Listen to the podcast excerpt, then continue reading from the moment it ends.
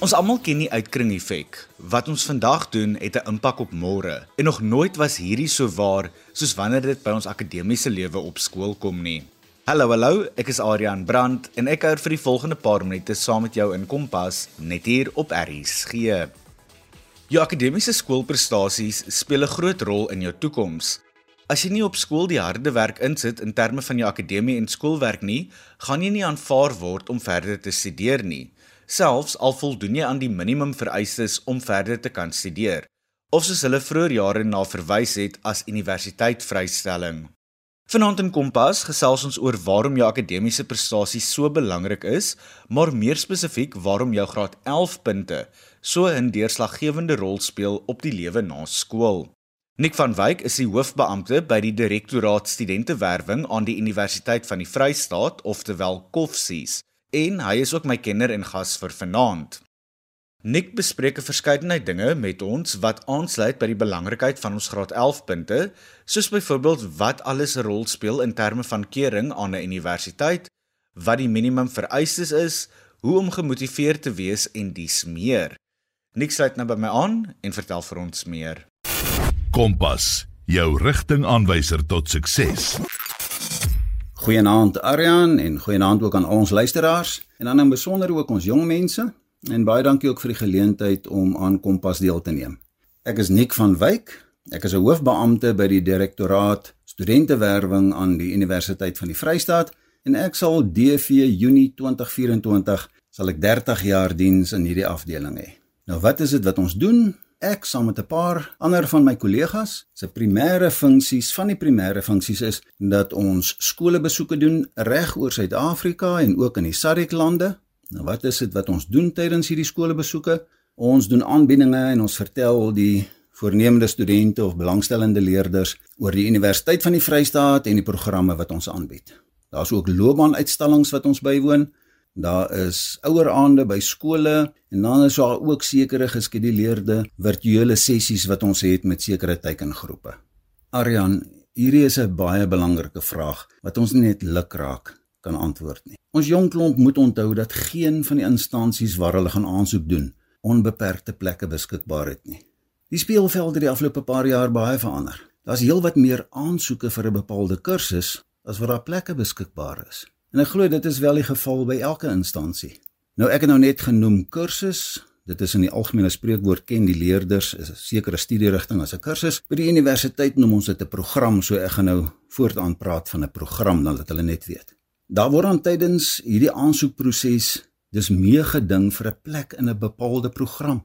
Nou universiteite kan nie wag tot die finale graad 12 eindeksamen om 'n besluit te neem nie. Hulle wil dus al vroeëre aanduiding kry oor 'n aansoeker se prestasie. Wat dinge nog verder kompliseer, is dat die universiteite nie almal dieselfde kriteria gebruik nie en dat sekere programme ook sterker fokus op sekere eksamens. Sommige universiteite fokus sterk op die graad 11 finale eksamen en aansoekers kry dan alreeds op grond van hulle prestasie 'n voorwaardelike toelating. Die Universiteit van die Vrystaat gebruik die graad 11 finale eksamen en of die graad 12 Junie eksamen om te oorweeg of 'n aansoeker voorwaardelike toelating gaan ontvang. 'n ander rede is ook omdat die graad 11 finale eksamen deesdae 'n eksterne eksamen is.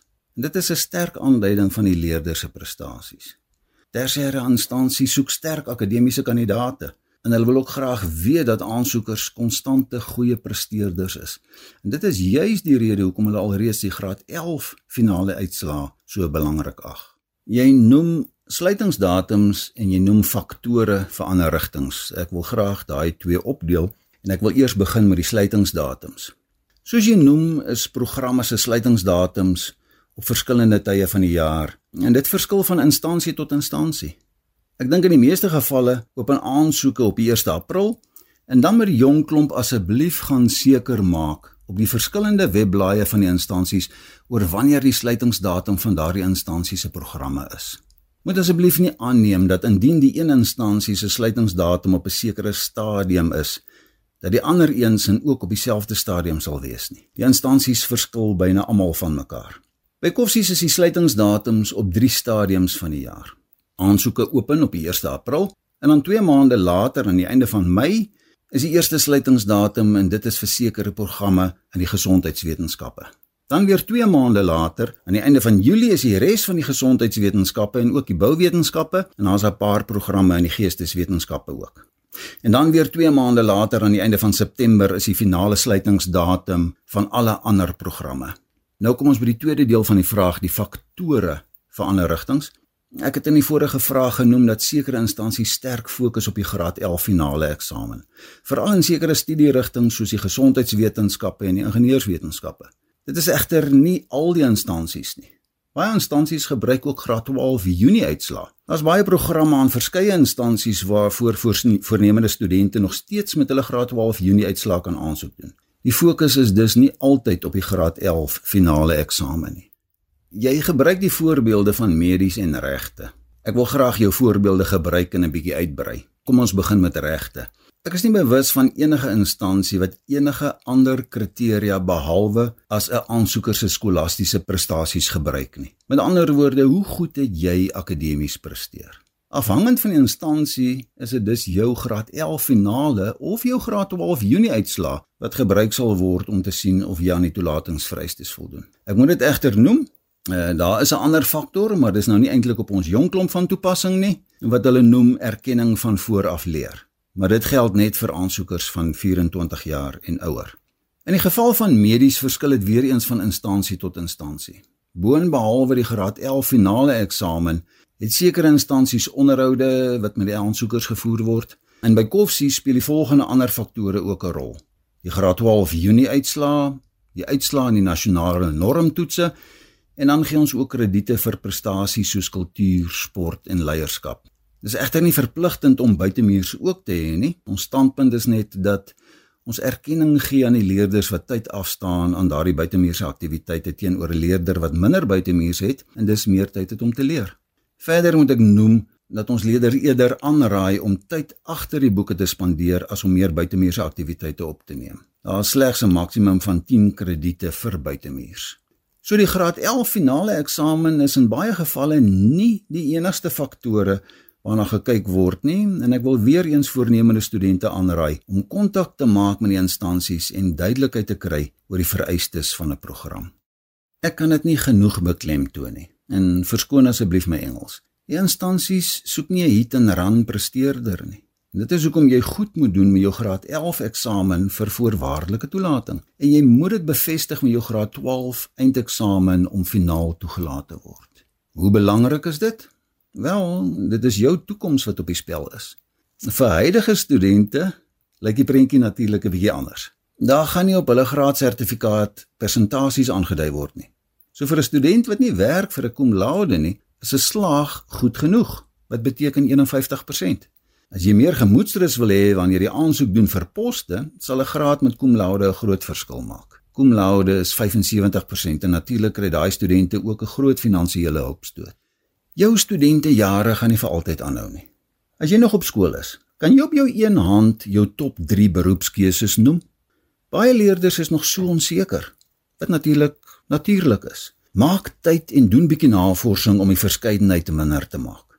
Onthou, as jy een beroep in gedagte het, kan dit beteken dat daar meer as een program is wat jy kan studeer om daardie beroep te volg. Daar kan 'n paar instansies wat daai program aanbied en die toelatingsvereistes van die instansies gaan heel moontlik by almal verskil. Wat probeer ek sê? Weet watter beroepe jy in gedagte het. Ken die toelatingsvereistes En nou het jy 'n mikpunt om voor te werk. Ek het nou net genoem dat om die toelatingsvereistes te ken jou ook kan help om gemotiveerd te wees. Dit is bitter belangrik. Nie net die algemene toelatingsvereistes tot 'n instansie nie, maar wel die spesifieke vereistes tot jou program. Om 'n paar voorbeelde te noem. In die gesondheidswetenskappe By al die instansies word al drie wetenskapvakke gewoonlik gelys as vereiste in. Ek praat nou hier van wiskunde, wetenskap en lewenswetenskappe. En dan ook die minimum prestasie in elkeen van daai vakke. Jy moet dit behaal om oorweeg te word vir daardie program. In die ingenieursvelde is dit dieselfde. Dit gee vir jou spesifieke mikpunte om te bereik. Die algemene vereistes vir toelating tot universiteite is redelik aangepas. Vroeger jare Was term gebruik soos matrikulasievrystelling, M-telling en die aangewese vaklys. Deesdae praat ons van universiteitstoelating. Die riglyne hiervoor is deur die departement van onderwys neergelê. In breë trekke behels dit dat vir 'n leerder om toelating tot 'n universiteit te kry, hy aan die volgende vereistes moet voldoen en nou gaan ek my eie woorde gebruik soos wat ek gebruik tydens 'n aanbieding by 'n skool. Jy moet 'n 4 by 4 hê. Bedoelende 4 vakke met 'n prestasievlak van 4. Dis al. Dit beteken in 4 van jou 7 vakke hoef jy net 50% te behaal. In die ander 3 hoef jy slegs 30% te behaal en die departement sê jy het universiteitstoelating. Weereens, my eie woorde tydens hierdie aanbieding en verskoon asseblief my taal, hierdie kite gaan nie vlieg nie. Hoewel dit aan die minimum vereistes vir die staat se voorwaardes voldoen, is dit 'n ondergemiddelde prestasie en nie goed genoeg om 'n plek te verseker aan 'n universiteit nie. Met ander woorde, Ongeag watter vakke jy in jou graad 12 jaar het, jy sal kan aansoek doen tot enige instansie vir 'n programme wat nie spesifieke vakke vereis nie. Soos regte, journalistiek, kommunikasiekunde, sekere onderwysrigtinge en ek dink aan sielkunde byvoorbeeld ook. So juis dan nou om hierdie rede het universiteite 'n stelsel ingestel van toelatingspunte. Sommige noem dit die TP-telling en ander noem dit weer die TPT-telling. Dit is dat aansoekers boonbehalwe die algemene toelating ook aan hierdie spesifieke vereistes moet voldoen. Wat terloops weer verskil van universiteit tot universiteit en van program tot program. Hierdie is 'n punteskaal wat volgens die aansoeker se spesifieke prestasie per vak bereken word. Asseblief jong klomp. Elke instansie het 'n webblad en hierdie toelatingspunte met die skaal om jou TP te bereken en die spesifieke vereistes vir elke program behoort relatief gemaklik gevind te kan word maak asseblief seker wat van jou vereis gaan word. Kompas, jou gids tot jonk wees. Dit is Nik van Wyk, die hoofbeampte by die Direktoraat Studentewerwing aan die Universiteit van die Vrystaat, oftewel Koffsies, wat saamkuier in Kompas en vertel waarom ons graad 11 punte so 'n belangrike rol in die toekoms speel. Ek is weer terug agter die kompas mikrofoon en ek kuier saam met jou in jou kombuis, voorhuis of sommer in die passasiersitplek van jou motor indien jy op die pad is. Ek is Adrian Brandt en jy is ingeskakel op RSG 100 tot 104 FM. In vanaand se kompas program gesels ons oor die belangrikheid van ons graad 11 punte, veral aangesien dit bepaal of ons goedgekeur gaan word al dan nie om verder te kan studeer aan 'n universiteit. Ek en Nik van Wyk, die hoofbeampte by die Direktoraat Studentewerwing aan die Universiteit van die Vrystaat, gesels nou weer verder daaroor en vertel ook vir jou meer. Ons gaan nou so 'n bietjie na verskillende dilemma's kyk en ook vir jou vertel waarom spesifieke vakke so belangrik is. Ek hoop jy is nog met ons en neem notas van wat ons bespreek. Ja, Aryan. Die wiskunde kwessie is nog steeds 'n realiteit. Daar's heelwat beroepe wat leerders nie sal kan volg as hulle nie wiskunde het nie. Maar eh, daar's ook baie beroepsopsies vir leerders met wiskundige geletterdheid. Ek dink nie daar's rede om bekommerd te wees en te dink dat 'n kwalifikasie aan 'n universiteit nie meer vir hulle beskore is nie. Hoekom speel wiskunde hierdie rol? Die akademici sou nou baie voorbeelde hier kon noem. Een voorbeeld is byvoorbeeld in die BCom kwalifikasies is statistiek een van die verpligte vakke. In die tweede jaar van statistiek doen hulle sekere wiskundige berekeninge. Studente wat nie wiskunde agtergrond het nie, brand hier vas. Wat op die ou end beteken dat 'n student sal nie sy kursus kan voltooi nie. So die rol van wiskunde in sekere beroepsrigtings is deurslaggewend. Vakkeuses speel 'n groot rol. En na my mening doen leerders in die algemeen te min moeite om uit te vind watter beroepe vir hulle beskore is. Op daardie stadium in graad 9 waar hulle vakkeuses moet maak, het die meeste van hulle nog nie eers hulle top 3 beroepe in gedagte nie. Hulle kies dan vakke vir verskeie redes en nie noodwendig omdat dit 'n beroepsgerigte keuse is nie. Ek wil 'n versoek rig aan die leerders wat nog vakkeuses moet maak. Eerstens, gaan na webblaaie soos Go Study waar jy 'n vraelys het waar hulle vir jou vrae gee en hulle lei jou na 'n sekere aantal rigtings wat volgens jou vraelys geantwoord kan word. Kry vir jou 3 moontlike beroepe. Gaan kyk op die webblaaier watter kursusse jy moet studeer vir daardie spesifieke beroep. Watter vakke word aangedui as verpligtend vir daardie kursus en dit sal vir jou 'n aanduiding gee dat dit 'n vak is wat jy moontlik sal moet kies. Tweedens, is daar ander faktore soos belangstelling, aanleg en vaardighede wat 'n leerder ook moet oorweeg. Selfondersoek is hier baie belangrik. Gesels met jou ouers en ek dink baie keer ken hulle jou beter as wat jy jouself ken. En derdens moet die leerders asseblief realisties wees. Indien 'n kursus se wiskunde vereiste 60% is en die leerder het tot op daardie stadium in graad 9 'n beste prestasie van 50% behaal, beteken dit dat hy nog beter moet presteer ten spyte van die feit dat die kurrikulum al moeiliker gaan raak. En dan, instansies bied virtuele geleenthede vir graad 9 leerders. Dit vind gewoonlik in die derde kwartaal plaas. Kyk uit op die webblaaie vir hierdie sessies. Dit mag miskien nie vir jou 'n finale antwoord gee nie, maar dit bied die geleentheid om vrae te vra en 'n bietjie meer sekerheid te kry. En laastens, onthou, ongeag jou vakke, jy sal steeds by enige van die instansies studeer indien jy goed genoeg presteer. Aansoek vir 'n universiteit is moontlik vir feitelik elke graad 12 leerder. Ek het vroeër die algemene toelatingsvereistes genoem. Elke graad 12 leerder wat ek verlede jaar toegespreek het, sou kon aansoek doen by 'n universiteit. Dit laat hulle met 'n sekere verwagting. Net om julle 'n idee te gee. Koffsies het plek vir ongeveer 9000 eerstejaars. En ons het heelwat meer as 100 000 aansoeke ontvang. En dit is die tendens reg oor die land. Ander universiteite het heelwat meer plekke, maar dit is belangrik om te onthou dat plekke beperk is. Dit maak mens bietjie bekommerd om te dink dat ongeveer 90% van die aansoekers nie toelating sal ontvang nie. En baie van hulle het aan die staat se minimum vereistes voldoen. Ek noem dit altyd vir die leerders. Daar's net een mens wat 'n verskil kan maak aan of jy toelating gaan kry of nie, en dit is jouself. Nie jou ouers, onderwysers of vriende kan blameer word vir jou uitslae nie. Net jy kan die verskil maak. Weet net, jy kompeteer vir 'n plek. Hoe beter jy presteer, hoe beter is jou kans om toegelaat te word. Ek het al baie hartseer gesien, veral by keuringsrigtinge as leerders nie gekeur is nie, van ons kennisse en vriende en van die onderwysers by die skole wat ek besoek. Ek het nie 'n perfekte antwoord nie. Al wat ek kan dink is soos wat hulle in Engels sê, back to the drawing board.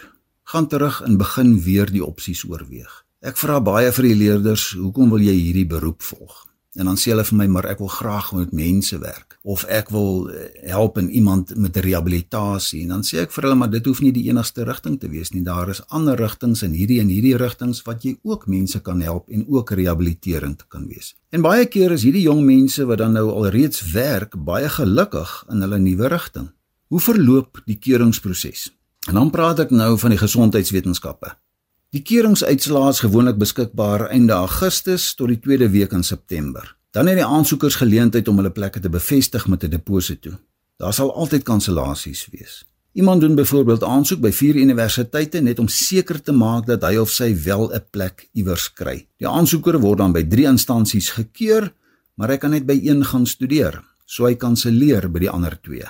Die tweede keuringsgeleentheid vind plaas sodra die graad 12 eindeksamen uitslaa beskikbaar is. Dan word die paar plekke wat gekanselleer was, gevul. Aansoekers sal 'n SMS van die fakulteit ontvang om hulle in kennis te stel en te hoor of hulle wel daardie plek wil opneem. Daar is ongelukkig nie 'n agterdeur of alternatiewe opsies om toegang te kry nie. Studente kan wel tydens hulle studies weer aansoek doen en dan sal hulle huidige universiteitsuitslae gebruik word vir die aansoekers wat dan nou nog nie gekeur is nie. Hulle sal 'n skrywe van die fakulteit ontvang wat hulle vra of hulle vir hulle tweede keuse oorweeg wil word. Hierdie tweede keuse het hulle tydens aansoek op hulle aansoekvorms aangedui.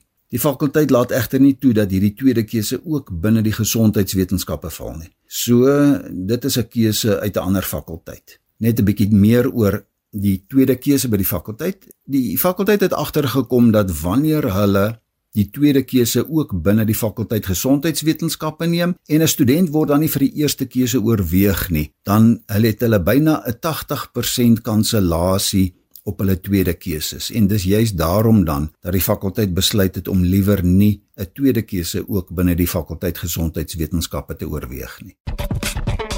Kompas. Kragvers en knetterend.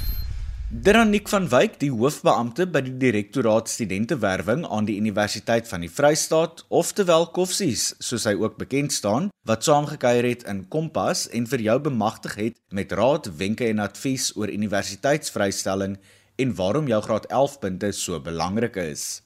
Soos ons gehoor het, is behoorlike navorsing van kardinale belang wanneer jy besluit om verder te studeer. Natuurlik is harde werk ook.